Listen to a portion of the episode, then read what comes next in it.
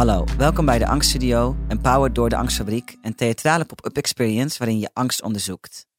In de Angstfabriek kun je zien hoe angst wordt gemaakt en kun je allemaal producten aannemen die onze, voor onze eigen angsten moeten beschermen. De angst voor een aanslag bijvoorbeeld. Maar daar staat dan wel wat tegenover, zoals het verlies van privacy. En daarover praat ik met Evelyn Austin, directeur van Bits for Freedom. Hallo Evelyn. Hi, hoi. Kun jij aan de mensen kort uitleggen wat Bits for Freedom doet? Uh, ja, we zijn een digitale burgerrechtenorganisatie. Um, wij komen op voor twee grondrechten, namelijk communicatie, vrijheid en privacy. Mm. Um, die staan uh, in, in, in deze tijden uh, van digitalisering wat meer onder druk dan we de afgelopen tijd hebben gezien. ook hier in Nederland, dus het is belangrijk dat hier aandacht voor is. Meer onder druk of totaal onder druk? Hmm. Mm. Nou, als je, het ligt eraan hoe ver je terugkijkt, denk ik. Mm. uh, dus er zijn, uh, er zijn uh, zat positieve ontwikkeling. We zien de afgelopen 20, 20, 30 jaar dat nieuwe technologie en dan voornamelijk het internet ook heeft geleid tot heel veel nieuwe kennis, tot heel veel uh, nieuwe toegang tot informatie. Uh, wat heel positief is juist voor... Voor dat uh, eerste grondrecht van de toegang tot informatie. Ja, ja. Um, maar de, de keerzijde daarvan wordt steeds duidelijker. Dus de, de, het open en vrije internet zoals we eigenlijk hoopten dat dat zou ontstaan...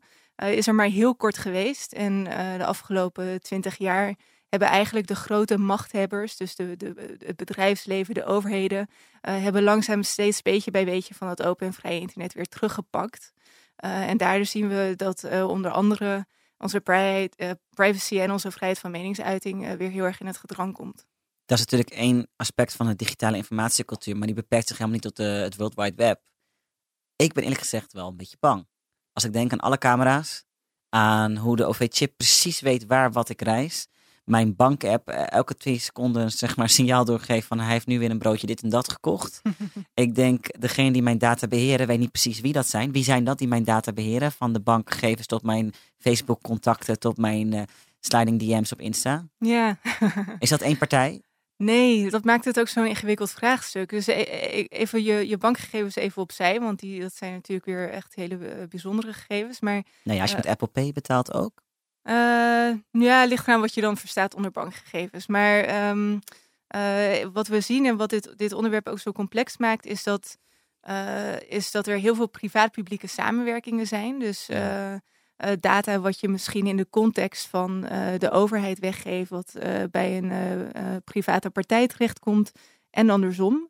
En dat betekent dat het ook best wel moeilijk is om, om um, sterke wetgeving te introduceren, omdat je eigenlijk steeds minder goed weet waar je precies moet zijn om verandering te bewerkstelligen. En soms zou ik dingen helemaal niet online willen doen. Maar kan je ze ondertussen niet eens meer ja. anders doen? Klopt.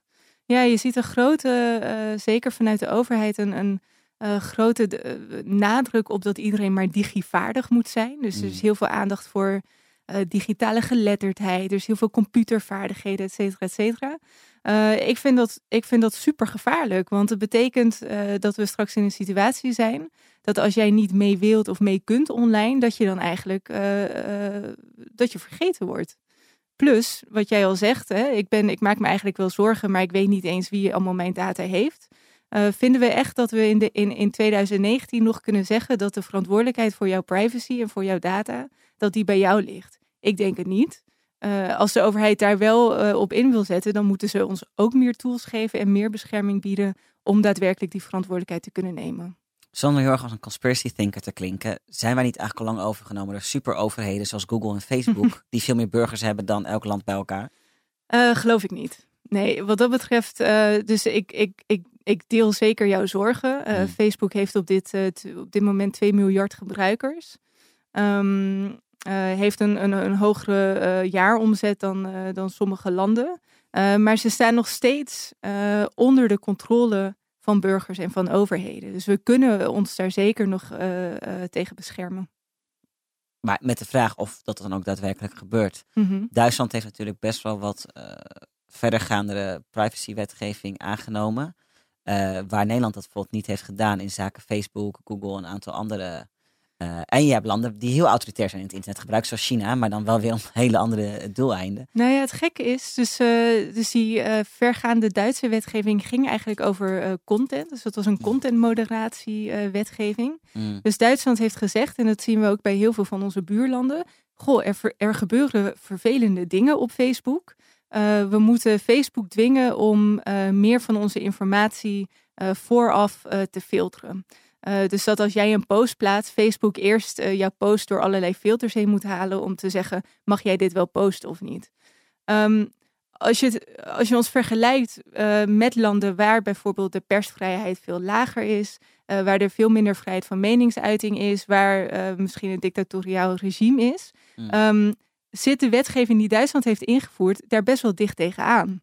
Het is, Alleen het de, doel is anders. En dat is nee, het doel is hetzelfde. Het is het, hmm. het, uh, uh, het beperken van de vrijheid van meningsuiting. Het heeft niks te maken met privacy. Het heeft niks te maken met het beschermen van, van media, pluralisme bijvoorbeeld. Het is echt een, een, een controlemiddel. Dus wat Duitsland heeft gedaan en wat we eigenlijk door de hele EU zien, is overheden zeggen: Goh, um, er is een probleem met content op het internet. We maken, Racisme, fake news enzovoort. enzovoort precies. We maken de, uh, de bedrijven verantwoordelijk. Dus in plaats van dat ze uh, uh, de bedrijven gaan reguleren, in plaats van dat ze echt serieus de macht van Facebook aanpakken, mm. gaan ze onze content modereren. Dus ze gaan modereren dus wat we tegen elkaar mogen zeggen. Terwijl Facebook nog steeds dikke winst precies, maakt. Precies, dat is precies het probleem. Moeten wij allemaal van Facebook af? nee, Um, zeker niet. Um, uh, ik zit er zelf niet meer. Uh, Waarom? Uh, omdat ik het me kon veroorloven. Um, maar we moeten naar een situatie waarin er ontzettend veel verschillende Facebooks zijn om uit te kiezen. We moeten toe naar een situatie waarin het, niet, het gewoon onwettelijk is dat er een bedrijf is die zo omgaat met mensen. Dat is wat moet worden aangepakt streven jullie zelf in Nederland ook naar, wat lobbyen jullie met wetgeving? Ja, ja, dus wij zijn voornamelijk een beleidsorganisatie. Um, dus ik denk dat uh, nou, zo'n 70, 80 procent van ons werk bestaat uit uh, beleidsbeïnvloeding. En wordt er naar jullie geluisterd? Ja, zeker. Um, dus wij lobbyen in Den Haag en in Brussel. Uh, in Den Haag is het voor ons een stuk makkelijker, omdat de lijntjes wat korter zijn, omdat we ook hier in Nederland zitten. Um, maar we hebben bijvoorbeeld in uh, in Europa een grote bijdrage gespeeld aan de nieuwe privacywetgeving die in uh, eh, 2016 tot stand is gekomen en vorig jaar van kracht is geworden. Um, wat je ziet is dat onze rol wel heel erg veranderd is. Waar we tien jaar geleden nog werden uitgelegd of uitgenodigd om uit te leggen hoe het internet nou eigenlijk werkt aan de Tweede Kamer, mm -hmm. uh, zijn we ondertussen dat stadium voorbij. Um, en zie je dat de overheid ook steeds meer met eigen ideeën komt over hoe het internet gereguleerd kan worden. Maar, sorry, je, je klinkt heel optimistisch ik heb uh, op Netflix recentelijk The Great Hack gezien. Mm -hmm. Ben me doodgeschrokken over dat we eigenlijk toegang hebben tot de eigen datapunten die in handen zijn van grote datatransporteurs, verkopers, slash mm -hmm. uh, verzamelaars, mm -hmm. commerciële verzamelaars. Um, en in The Great Hack op Netflix, kort samengevat, zie je hoe Cambridge Analytica datapunten van mensen heeft gebruikt uh, die mede door Facebook gewoon aan stiekem hen verkocht zijn. Mm-hmm. Voor gigantische megawinsten. Die vervolgens zijn ingezet niet alleen om bijvoorbeeld een Trump aan de macht te brengen of uh, de Brexit te faciliteren. Met hele slimme uh, psychologische data-oorlogsvoering. Mm-hmm. Waarbij heel erg op je op sentimenten wordt aangestuurd. Ja. Maar ook op de gekste eilanden bijvoorbeeld is geëxperimenteerd met ehm, lokale volksprotesten en eigenlijk constant anarchie en chaos wordt gecreëerd door extreme partijen tegen elkaar op te zetten. En er is dan mhm. voorbeeld na voorbeeld na voorbeeld na voorbeeld van Haiti tot met ook landen van je denkt, waar, waar, waar, waar ligt jullie winst hier? Maar dat was van vooral een soort experimenteertuin van kunnen wij hier een verkiezingsuitslag beïnvloeden? Kunnen we mm om het daarna op veel grotere schaal in landen uitproberen? En um, ik realiseerde mij dat ik tijdens bijvoorbeeld um, de gemeenteraadsverkiezingen in Amsterdam-Noord woonde. Mhm.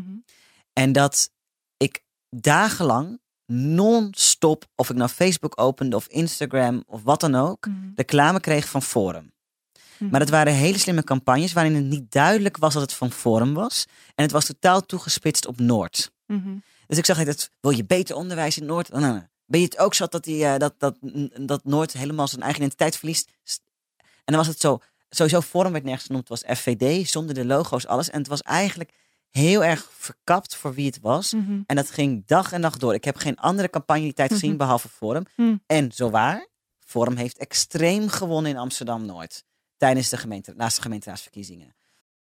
Als je, als je nou kijkt naar, eh, naar de politiek, dus eh, politieke partijen, verkiezingen, eh, dan is het best wel ehm, eh, moeilijk om te bewijzen wat er precies gebeurt, omdat deze bedrijven daar geen openheid over geven. Eh, dus er zijn eh, dus, eh, het maatschappelijk middenveld, academici zijn al jaren aan het leuren bij Facebook.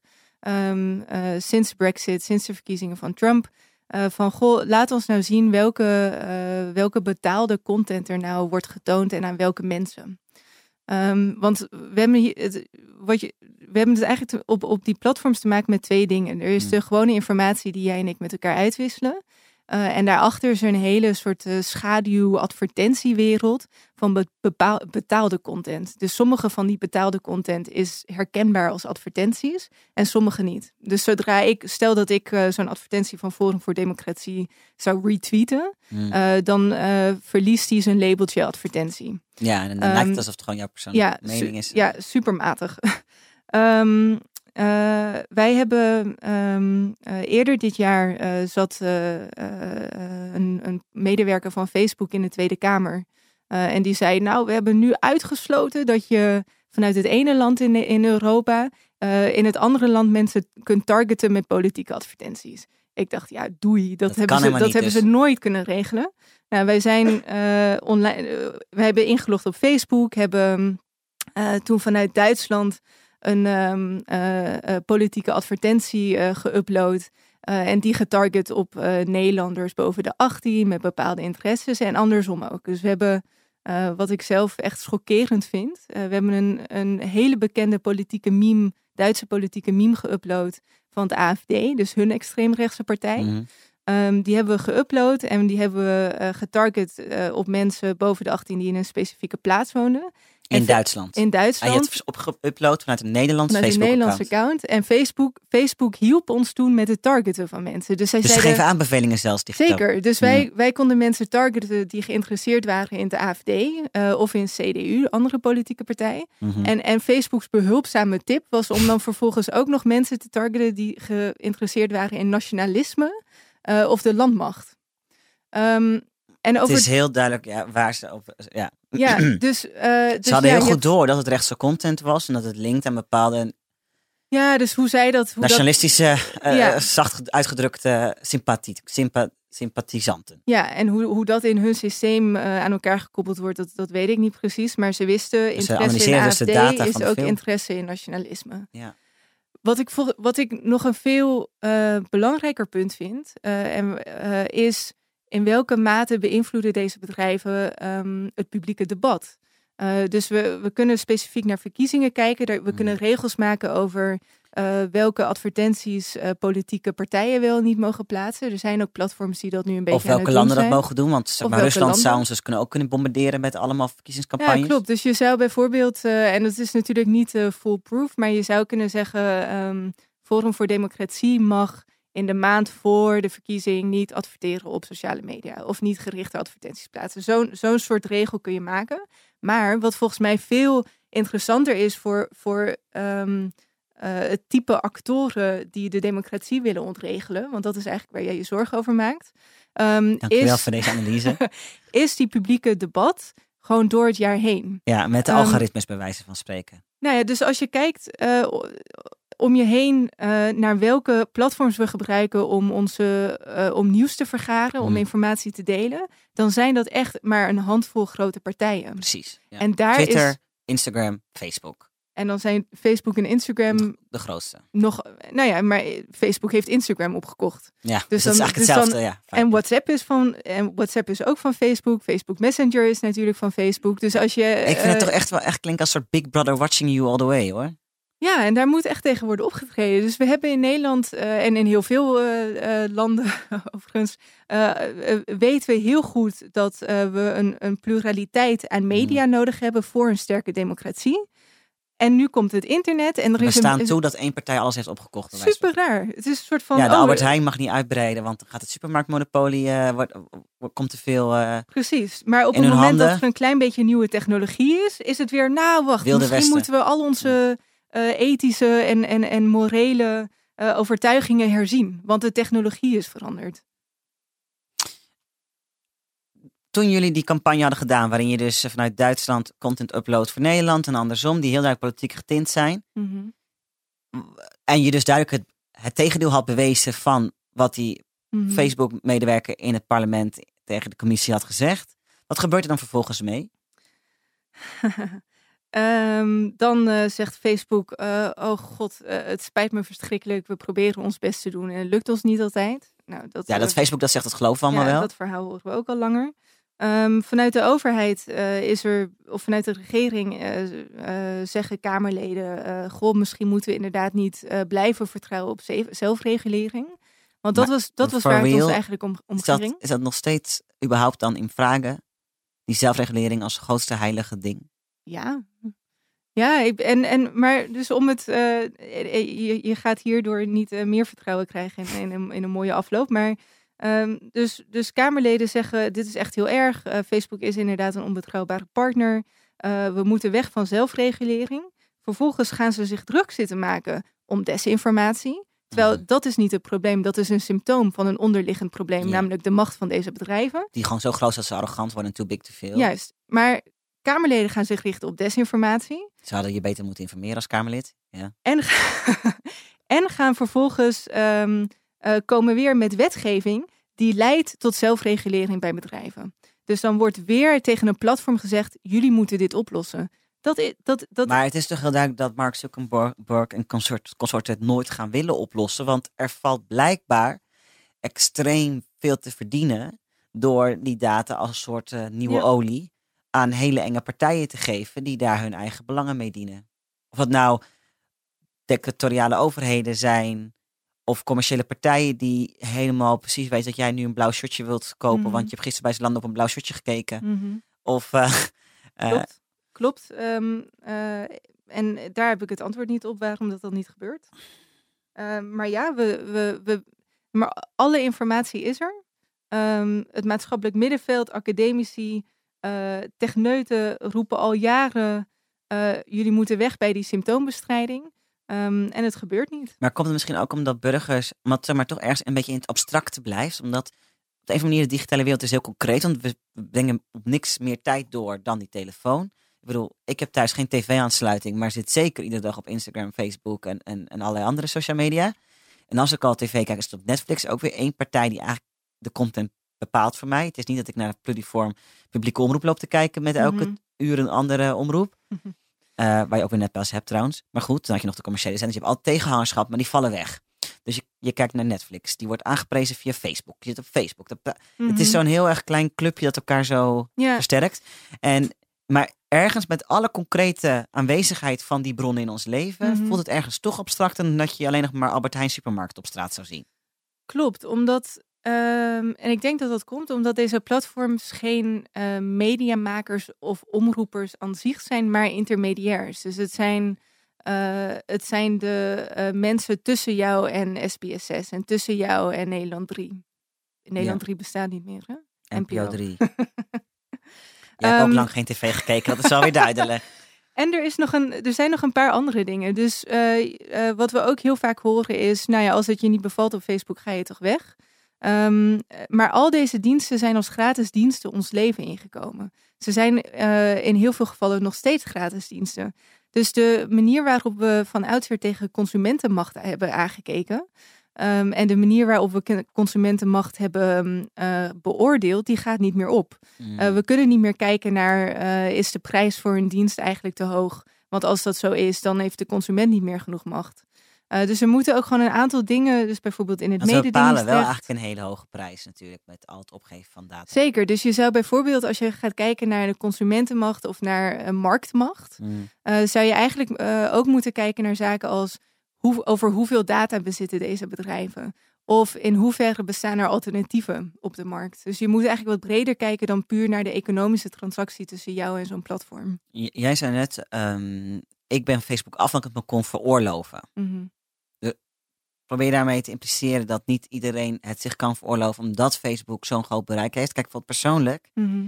ik haat Facebook. Ik vind het een gruwelijk bedrijf. Mhm. Als je het zou vergelijken met eh, een, een overheid, dan is het, dan is het eh, ja, een, zeer autoritair systeem.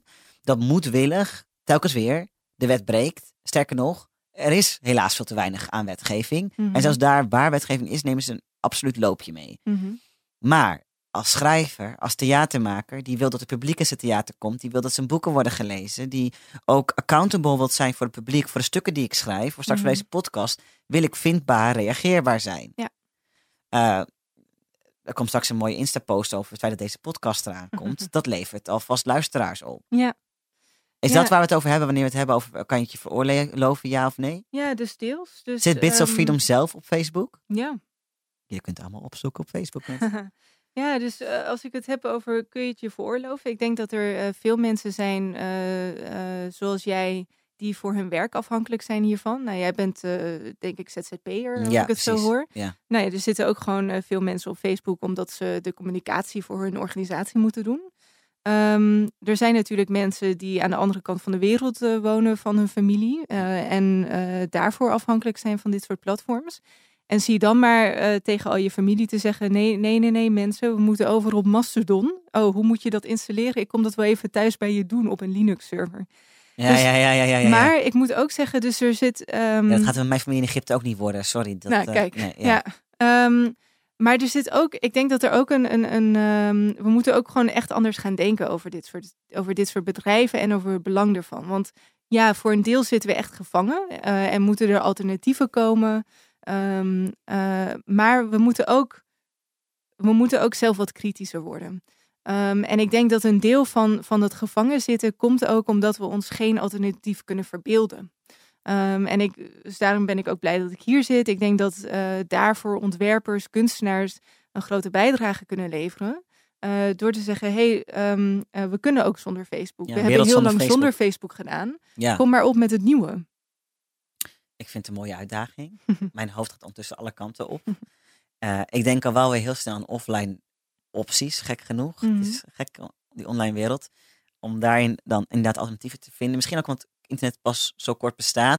En we zijn het soort half door hen ook opgegroeid en volwassen geworden. Als je, Op als je kijkt naar het sociale media landschap, eh, of over het eh, eh, networking landscape, of, of welke termen ze daar nog vroeger ook voor hadden, ehm, eh, zie je dat eigenlijk in de afgelopen, eh, of tot een jaar of, of, of tien geleden, er eigenlijk eh, een heel scala aan dit soort platforms naast elkaar bestond. Ik weet niet of jullie je MySpace nog kunnen herinneren. Ja, ja. We hadden natuurlijk Hive, CU2, LiveJournal. Die dingen bestonden allemaal naast elkaar. Partyvlog. en die hadden eigenlijk allemaal hun eigen, hun eigen doelgroep. Of hun, hun, hun eigen subcultuur. Ehm, in heel korte tijd eh, is dat enorm geconcentreerd eh, op Facebook en, en Google. En dat komt door die eh, datagedreven systemen. Dus het, de, de grote hoeveelheden data die Facebook en Google hebben, maakt dat ze ook steeds machtiger worden, steeds betere diensten aanbieden en je er steeds moeilijker wegkomt. Maar er is dus een andere zorg die ik net had wanneer we het hebben over de gevaren voor de democratie. Mhm, Kijk, één is natuurlijk inderdaad die actieve inmenging met verkiezingen. Mhm. En heel eenzijdige campagnes die door je strot worden gedouwd. En nog heel getwisted ook, dat je het soms niet eens doorhebt. Ehm maar het andere waar ik mij misschien nog wel het meest zorgen van maak, en dat heb je bij Google al. Als jij en ik allebei Egypte intoetsen, komen er twee totaal verschillende uitkomsten uit. Jij krijgt zonvakanties en ik krijg nieuws. Maar bij Facebook is het al helemaal extreem. Echt iedereen heeft een totaal gepersonaliseerde pagina. Mhm. Ja, de meningen zijn hier heel erg over verdeeld. Dus ehm, je vraagt het de ene onderzoeker en die heeft het alleen maar over filterbubbels. Je vraagt het een andere onderzoeker en die zegt, nou eigenlijk zien we geen reden om te zeggen dat die bestaan. Ehm, Maar hoe kan je dat niet? Dat is toch heel duidelijk. Als wij hier in deze ruimte zijn met eh, een paar mensen, dat kunnen jullie luisteraars niet zien. We zijn hier met z'n vijf. Dat zijn vijf totale verschillende bubbels. Ook nog een ding. mhm. het is vaak ook echt alleen maar één soort nieuws. Dus je krijgt alleen maar dingen over klimaat, of alleen maar over Zwarte Piet, of alleen maar over sport. Eh, ik merk dat het is volgens mij omdat misschien die algoritmen steeds beter worden Mhm. en daarmee steeds geniepiger. Ja, Ik merk dat je vroeger een breder scala aan dingen kreeg, want ook welke.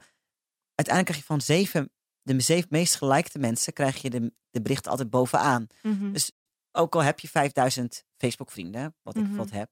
Ik zie niet 5000 verschillende meningen, posts. Ik zie steeds dezelfde 7 tot 10. Ja, maar nogmaals, het onderzoek wijst wel uit dat Mm. er echt vragen gesteld kunnen worden bij het bestaan van filterbubbels. Wat, waar onderzoek wel glashelder over is, is dat eh, dit soort eh, gepersonaliseerde feeds eh, jou steeds ehm, extremere content laten zien. Dus als jij als anti-zwarte Pieter begint Mhm. ehm, eh, en bijvoorbeeld je gaat op YouTube daar een video over kijken, dan zit jij over tien minuten bij de, weet ik veel, de antifascisten. Ja. Ehm, en iemand die als en de een, lynches in eh, Amerika. Ja. ja, en als jij en, en bij de conspiracy theorists bijvoorbeeld, als jij als, als pro-zwarte Piet eh, eh, begint, zit jij tien, tien minuten of tien vi- video's later ehm, eh, bij de Ku Klux Klan. En dat komt omdat het idee is dat je dan door blijft kijken, door blijft Ja, kijken. Omdat- het brein om- wat steeds meer stimulans. Ja, omdat extreme content meer de aandacht trekt en omdat deze platforms gebouwd zijn om de aandacht vast te houden. Dus nog even los van die filterbubbels, wat wel echt een probleem is, is dat eh, de contentvoorziening en de gepersonaliseerde content inderdaad, eh, wat jij terecht opmerkt, leidt tot meer pol- polarisatie. Ik, ik word hier ook weer niet geruster op, beste luisteraars. Terwijl je dat net zegt over hoe de, de, die systemen zijn ontworpen om ons aandacht zo lang mogelijk vast te houden. Bij alcohol krijg je een waarschuwing dat het verslavend is. Bij roken krijg je duidelijk waarschuwing dat je de dood aangaat.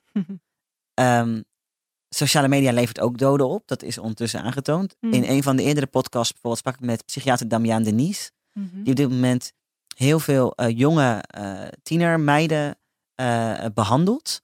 Die zwaar anorexisch zijn geworden door Instagram. En Mhm. die mede leefden van Instagram-model zijn. Mhm.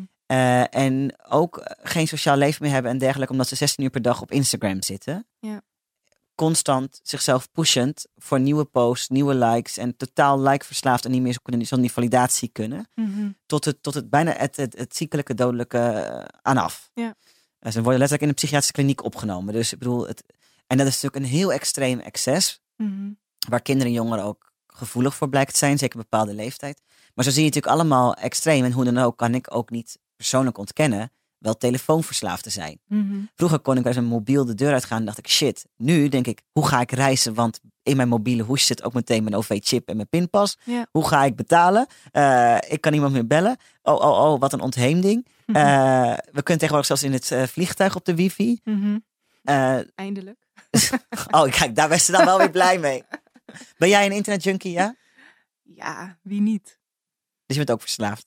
Eh, ja, dat denk ik wel. Maar zou Ehm, daar niet ook, zou, als je het van wetgeving, zou dat niet Mhm. ook een wetgevingsding moeten zijn? Want als wat verslaafd is, dan krijg je van, daar, daar, daar, daar heft de overheid accijns op. Eh, daar wordt niemand blij van. Maar dat, daar, daar zijn disclaimers voor, daar zijn waarschuwingen. Zijn wij ons genoeg bewust van al die neveneffecten van het internet?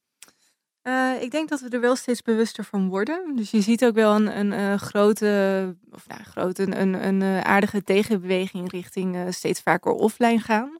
Eh, wat ik daarbij wel weer best wel zorgelijk vind, is dat eh, in dat soort gevallen weer de verantwoordelijkheid vaak bij individuen Ja, de wordt burger gelegd. moet er maar offline gaan. Ja, en, en er wordt ook heel vaak geen, geen onderscheid gemaakt tussen eh, de verslavende platforms zoals Instagram en Facebook en het open internet waar Wikipedia bijvoorbeeld ook toe hoort. Maar dat, ook dat is verslaafd, want je blijft maar doorlezen en doorklikken en doorklikken en nog een keer doorzoeken en dan op YouTube en dan kom je daar. Nou, maar als en je voor je kijkt weet naar kijk je de, tien uur naar katfilmpjes. als je kijkt naar de designbeslissingen, eh de dark patterns op, op Facebook en Instagram en YouTube, die, die voor een groot deel voor die verslaving zorgen, die zijn er bij Wikipedia echt allemaal niet. Mm. Ehm, dus ik, Hoe ja, werkt zo'n dark pattern? Kan je dat uitleggen? Een dark pattern is een eh, designbeslissing die ehm, tot doel heeft om jou iets te laten doen eh, dat je eigenlijk eh, wat niet jouw intentie was. Dus je ziet ze in, beslis, in beslisomgevingen heel veel, dus waar je een aankoop doet. Mm. Ryanair is volgens mij altijd het soort schoolvoorbeeld van dark patterns. Bij Ryanair moet je echt een soort eh, graad hebben in, in hogere wiskunde Mm. om door hun betaalsysteem te komen zonder per ongeluk een verzekering af te sluiten die je niet wilde. Of een extra product, of een Precies, iets een grotere stoel, koffer, ja. of een bla bla bla. Ehm, en dus als je kijkt naar de platforms, zijn dark patterns zijn bijvoorbeeld ehm, eh, automatisch afspelende YouTube-video's. Hmm. ja, waardoor je Ehm, toch kijkt, want je ziet bewegend beeld en je oog denkt... Precies. Of bij eh, Facebook en Instagram trouwens ook. Wat we gewoon, eh, wat compleet is ingeburgerd, maar eh, de endless, de unending scroll. Dus dat je maar kunt blijven scrollen en er nieuwe content laat. Ja, Vroeger hadden we weer. gewoon een pagina met een onderkant van de pagina. Ja, ja, ja, ja. Iedere keer als ik... Ja, dat doe ik ook. Dan ga je even van boven naar beneden en dan Verder, komen een nieuwe post, een nieuwe post. nog een keer verder. Ja, En de hele tijd die oplichtende rondjes rond mensen dat ze weer stories hebben geplaatst. Moet ik dan ook allemaal gaan kijken. precies. Dat is ook een heel goed voorbeeld. Dus zodra je je telefoon opent en ziet dat je zes e-mails hebt en twee notificaties daar en drie notificaties daar. Ehm, om terug te komen. maar het klinkt wel als iemand die- echt verslaafd is, in ieder geval. Ja, en, en ik denk dat je gelijk hebt dat daar onvoldoende aandacht voor is. Dat er misschien wel een soort nieuwe regels voor moeten komen. Eh, Waar ik zelf een groot voorstander van zou zijn, is bijvoorbeeld een recht op ongepersonaliseerde content. Ehm, dus dat je een, een feed kunt krijgen eh, die jou gewoon in chronologische volgorde eh, de post laat zien van de mensen met wie jij bevriend bent. Dus dan heb je ook die filter niet en die algoritme op die manier. Precies. Of zoekresultaten die niet gefilterd zijn of in zijn gegeven door tien jaar aan eh, zoekopdrachten. Als je zo'n anonieme browser opent en dan naar Google gaat, heb je dat dan niet? Mm, Zo'n, hoe heet het nou ook alweer? Eh, Ja, als je in, in eh, incognito mode zit in Chrome. Ben je echt incognito als je op een incognito... Nou, in Chrome zeker niet. Ik denk dat je in relatie tot Google nooit incognito bent. Hmm. Ehm, Dat is ook een illusie dat dat veiliger is of dat je dan niet door algoritmes al herkend wordt. Nou, wat incognito mode doet in Chrome is eh, zorgen dat jouw browsergeschiedenis niet in jouw browser of op jouw computer wordt opgeslagen. Dus het beschermt je tegen pottenkijkers die ook jouw computer gebruiken, maar het Hmm. beschermt jou niet tegen Google. Je hebt bijvoorbeeld wel alternatieven die dat beter doen. Startpage bijvoorbeeld is een Nederlandse zoekmachine. Startpage. Startpage. Hmm. Ehm, en daar krijg je eh, onge- eh, ongepersonaliseerde zoekresultaten, waar ze volgens mij alleen gebruik maken van je IP-adres.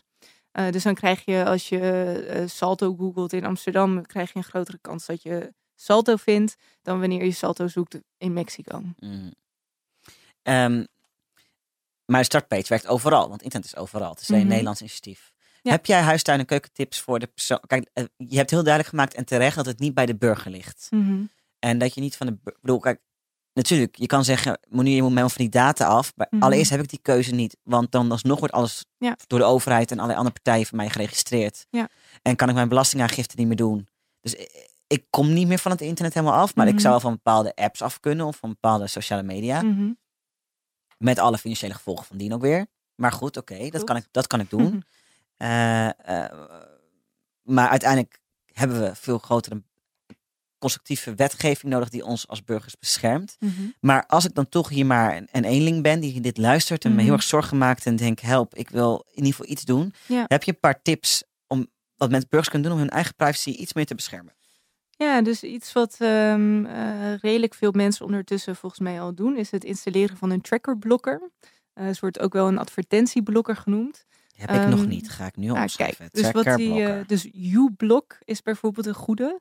En wat die doet is zorgen dat eh, op het moment dat jij naar nu.nl gaat, eh, jij echt alleen maar contact maakt met nu.nl en niet met de eh 40 advertentiebedrijven. die daaronder die- zitten of erachter zitten. Precies. Is Ehm, dat voor je telefoon of voor je MacBook of voor... Dus je hebt ze in. het is een plugin voor in je browser. Dus als je naar je ehm, eh, browser gaat en daar in welke zoekmachine je ook gebruikt, eh intoetst de eh, uBlock eh, Tracker Blocker, mm, eh, dan installeert hij een plugin en die maakt die vast aan je browser. Dus dat is een kleine, een kleine add-on. Ehm, een andere tip die vind ik heel waardevol is, is ga eens weg bij Google voor je zoekmachine. Ehm, er zijn superveel manieren waarop je niet om Google heen kunt. Dus mensen die hun Gmail-account daar maar moeilijk afscheid van kunnen nemen, dat snap ik best goed. Als Google Maps op je telefoon zit of je hebt een Android besturingssysteem, dat zijn allemaal dingen die je niet zo makkelijk de deur uit doet. mm. Je zoekmachine, die is echt best wel goed te doen. De Startpage is een heel eh, goed privacyvriendelijk Nederlands initiatief. En een ander voorbeeld is DuckDuckGo. Heeft ook nog een leuke naam. Ehm, en eh, dat zorgt in ieder geval dat jouw zoekresul of jouw zoekopdrachten niet bij Google terechtkomen. En misschien krijg je eens een keer andere uitkomsten. Want die Google die weet ondertussen al tien jaar lang wat ik, waar ik allemaal op zoek. Ehm, en nou had ik net nog een hele goede derde tip en die ben ik vergeten. Oké, de eerste was de trackblokker. de tweede was DuckDuckGo en andere eh, webbrowsers. De huistuin- en keukenoplossingen. Ja. Heb je nog een tip voor sociale media misschien? Ja, sociale media is dus best wel moeilijk. ehm, omdat je daar een soort van dat netwerkeffect hebt. Hè. Je Mm. wilt niet in je eentje op een sociaal media platform gaan zitten. Mhm. Eh, dus daar heb ik niet super goede alternatieven voor. Waar ik wel een goed alternatief voor heb is WhatsApp. Eh, dus dat is opgekocht eh, door Facebook in 2014. Facebook zei, weet je, die data die blijft gewoon bij WhatsApp hoor. Daar zullen we nooit aankomen. Dus Tot een paar jaar geleden. Toen zeiden ze, nou, eh, nu denken we daar toch anders over. Dus als je het nou vervelend vindt dat Facebook... ehm, mijn hele liefdesleven kent. nou, Allemaal Russisch. Mijn beste vrienden. ehm, eh, Signal is een heel goed alternatief voor. WhatsApp. Het is een messaging app. Het werkt super fijn. Je kunt er gifjes mee sturen. Het is hartstikke leuk. Gebruik, ehm, gebruiken veel mensen dat? Want dat is natuurlijk wel het, Ja, probleem met... gebruiken steeds meer mensen. En wat ik daar altijd als tip meegeef is... eh, kijk nou even naar de drie mensen met wie je het meest appt. En kijk of je hen kunt overtuigen om die app ook te installeren. Nou, als ik zich bang genoeg maak voor de ondergang van de democratie en de mensheid, misschien wel.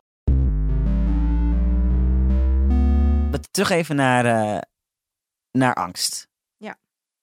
Niet die mijne, die van jou. Kijk, je houdt je veel meer met het onderwerp bezig dan ik. Misschien zorgt dat voor bepaalde nuance en, en, en, en, en eh, ook relativering. Maar ik kan me ook voorstellen dat je soms opvreet. Bijvoorbeeld in zo'n geval van zo'n Facebook-leugen gewoon in de Kamer. Mhm. Eh, en dan die wetgeving die weer niet die stap naar voren maakt die zo noodzakelijk is. Ja. Ehm, overvalt het je soms? Word je bang? Denk je mensen, jullie hebben het niet door wat jullie uit handen geven? Ehm, het is eh, eh, met vlagen inderdaad eh, frustrerend. Mm. Ehm, dus ik heb het, het geluk dat ik sowieso iemand ben die best wel door woede wordt gedreven. Mm. Dus als, als je mij in actie wilt krijgen, dan moet je me boos maken. Ah, dus je moet vooral zo'n. Facebook-truc uithalen, dan, ga jij, dan kom jij wel in Juist. actie. Ja, ja. Ehm, eh, maar waar ik me, waar een soort van voor mij de meeste zorgen zitten, is de, de traagheid en het, eh, de verkeerde richting die eh, overheden geven aan eh, oplossingen. Dus we, we hebben de afgelopen jaren gezien dat er, dat er steeds kritischer wordt gekeken naar wat er uit Silicon Valley komt. We zijn ondertussen, nou is er denk ik niemand die Facebook hoort en denkt, god, wat echt een leuk bedrijf ja, is dat joh. beste bedrijf op aarde, Ehm, geweldige medewerkersbeleid. Ja. Precies. Maar als je dan kijkt naar de oplossingen waar de wetgever mee komt, zijn dat allemaal dingen, dus wat ik eerder al tegen je zei, zijn het allemaal dingen die eh, de macht van de platforms eigenlijk alleen maar verder vergroot. ehm, en die de bewegingsvrijheid van de burger alleen maar verkleint. Is het niet heel raar dat juist een, een, een plek, een medium, een technologie die zich zo snel ontwikkelt, zo traag wordt opgevolgd? Mm, ja, ja, nee. Kijk, eh, wetgeving loopt, eh, loopt altijd een beetje achter. Ik denk dat dat ook helemaal niet zo erg is. En ik denk dat er, eh, kijk, deze, dus, dus wij bekijken die platforms vanuit, eh, eigenlijk vanuit een soort consumentenblik, dus als, als Mm. gebruiker. Mm. Eén reden waarom ze zich zo, zo moeilijk laten reguleren is omdat eh, Facebook, Facebook is een sociaal media. Ze maken zelf ook media. Het is een advertentiebedrijf. Ze hebben heel veel verschillende gezichten. Ehm, en, die, en, En belanghebbende stakeholders. en stakeholders. Dus de, de lobby vanuit, het, vanuit de techbedrijven is enorm. Ehm, eh, maar we zijn, maar kijk, we zijn ook een beetje met z'n allen, denk ik, soms eh, op zoek naar, eh, naar de perfecte oplossing. Naar het stukje wetgeving die al onze problemen in één klap oplost. Ehm, en we zijn daardoor misschien een beetje, zeker vanuit het ma- maatschappelijk middenveld, waar we altijd heel huiverig zijn voor regulering, waarvan we niet zeker weten wat alle consequenties gaan zijn, zijn we misschien ook een beetje terughoudend in, ehm, eh, maar een beetje experimenteren met wat dingen. Terwijl je zou zeggen, maak gewoon met vallen en opstaan wetgeving, maar blijf steeds dingen proberen om dit soort bedrijven te controleren. Ja, dus we kunnen. Ik, ik- kijk, ehm, er zijn echt hele grote problemen met de platforms. Dus niet alleen voor de democratie, maar ook gewoon voor de veiligheid van mensen. Dus als, Mm. ik word zo triest als ik dan weer bijvoorbeeld rondom de Kick-Out Zwarte Piet organisatie eh, hoor dat ze eh, voor de zoveelste keer hun Facebookpagina offline is gehaald. Ehm, en, en andersom, als zij klagen over het racisme tegen Facebook, er met die klachten niks wordt gedaan. Ja. Ehm, eh, bijvoorbeeld rondom de landelijke verkiezingen en de bedreigingen die aan Sylvana Simons gericht waren. Mm. Ehm, eh, zij heeft aangifte gedaan. Dat vond ik verschrikkelijk moedig en heel vet. Omdat het eigenlijk een beetje mysterie rondom dat, dat online domein een beetje wegnam. Ja. Nee, eh, als je online een racistische eikel bent, dan mag dat nog steeds niet. We, we moeten nu iets doen om mensen te beschermen. Ehm, Ja, want het terwijl we internet op zoek zijn naar een grotere oplossing. Want internet geeft natuurlijk een soort van anonimiteit, waardoor we het Mhm. gevoel hebben dat we dingen kunnen roepen. En misschien is dat ook wel een van de. En er zijn heel veel mooie dingen aan het internet, heb je ook goed aan het begin opgemerkt.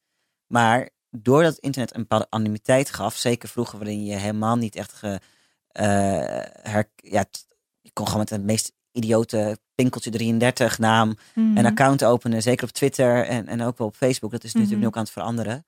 Eh, kon je alles roepen wat je wou. Maar daardoor wordt op een gegeven moment het offline Mhm. handelen daarnaar ook steeds kleiner. Want er gaat toch een soort psychologische grens over. Oké, ik noem je drie keer een, eh, een N-woord Mhm. Online. Maar Mhm. daardoor, uiteindelijk wordt de stap om het daadwerkelijk offline te zeggen ook eh, eh, kleiner. en normaliseert. het doet ook niet minder pijn Ja. omdat je het op papier zit dan in je gezichtgroepen krijgt. het is niet zo omdat ik op, op, op, als ik het langs zie komen op Facebook dat het me niks doet, een bedreiging bijvoorbeeld. Ja. ja, en volgens mij heeft de anonimiteit daar minder mee te maken dan eh, dat je op het internet gewoon eigenlijk altijd op bijval kunt rekenen. Eh, Ah, dus waar, ja, je, waar je op een verjaardag eh, misschien wat minder terughoudend bent met zulke dingen zeggen, om, omdat je meteen, ja, omdat, Je, omdat je meteen een soort van de afkeurende blikken. eh, misschien zit er op dat moment niet toevallig iemand ook in de kring die hetzelfde vindt. Mhm. Op Facebook is er altijd wel minstens één persoon die zegt: Ja, lekker bezig. Die instant validatie, waar Ja. sowieso ook die Ja, likes en alles op gebaseerd zijn. Ja. De luisteraar die nu dit luistert en zo meteen weer zijn telefoon pakt, of het waarschijnlijk op zijn telefoon luistert via iTunes of Spotify, Ja. ehm, mag die hoopvol zijn? Of moet die zich iets meer zorgen gaan maken en iets scherper en kritischer kijken naar, naar die telefoon in de hand? Mm, dus toen ik zei dat ik door boosheid word gedreven, Mhm. ik denk dat het, eh, ik denk dat het belangrijkste is dat mensen in actie komen. Dus, Mhm. dus of dat nou is omdat je hoopvol bent voor, een- voor, een, voor een mooier internet, eh, of omdat je zorgen maakt voor de volgende generatie. Het maakt niet uit wat het is, maar kom in actie. En wat kunnen ze dan doen? Andere partijen, op andere partijen stemmen? Massaal lid worden van, van jullie? eh, of nou, massaal lid worden van Witse Freedom lijkt me een heel goed begin. Mm. Eh, kijk om je heen naar de, naar de kleine dingen die je zelf kunt doen. Stem verstandig. Maak van het digitale domein een van je aandachtspunten. Dus net als dat. eh, bij, bij het be- beslissen op welke partij je gaat stemmen. Precies. Mhm. Ehm, dus ik snap heel goed dat er eh, heel veel andere zaken leven in, in, in de levens van mensen. We, hebben, we moeten ons zorgen maken over het klimaat, de verzorgingsstaten staat er steeds kariger bij. Eh, maar het digitale domein heeft op al die dingen, in, op al die Invloed. dingen invloed Mm. eh, en, en verdient dus ook wat meer aandacht. In dictatuur heb je vaak een ministerie van informatie. Hmm. Nou, eh, ik kan me voorstellen dat je daar geen fan van bent. Maar zouden wij in de toekomst een ministerie van technologie en internet krijgen? Ik bedoel, het is zo'n groot onderdeel van ons leven. Je hebt min- Mhm. ministerie voor infrastructuur. Je hebt ministerie voor landbouw en visserij. Nou, dit is eigenlijk ook een vorm van infrastructuur, digitale infrastructuur. Zou kunnen, daar wordt wel af en toe eh, over gesproken. Eh, mij maakt het e- eerlijk gezegd niet uit hoe ze het wordt georganiseerd, als die kennis maar bij de overheid ligt en bij beleidsmedewerkers die, eh, die de beslissingen maken. Alright. En met deze woorden eindig ik bibberend, denkend over de macht die mijn lieve Facebook over mij heeft. Eh, dit gesprek van de Angststudio met Evelyn Austin, directeur van Bits for Freedom. Dit was een opname van de Angststudio, empowered bij de Angstfabriek. Dankjewel voor het luisteren.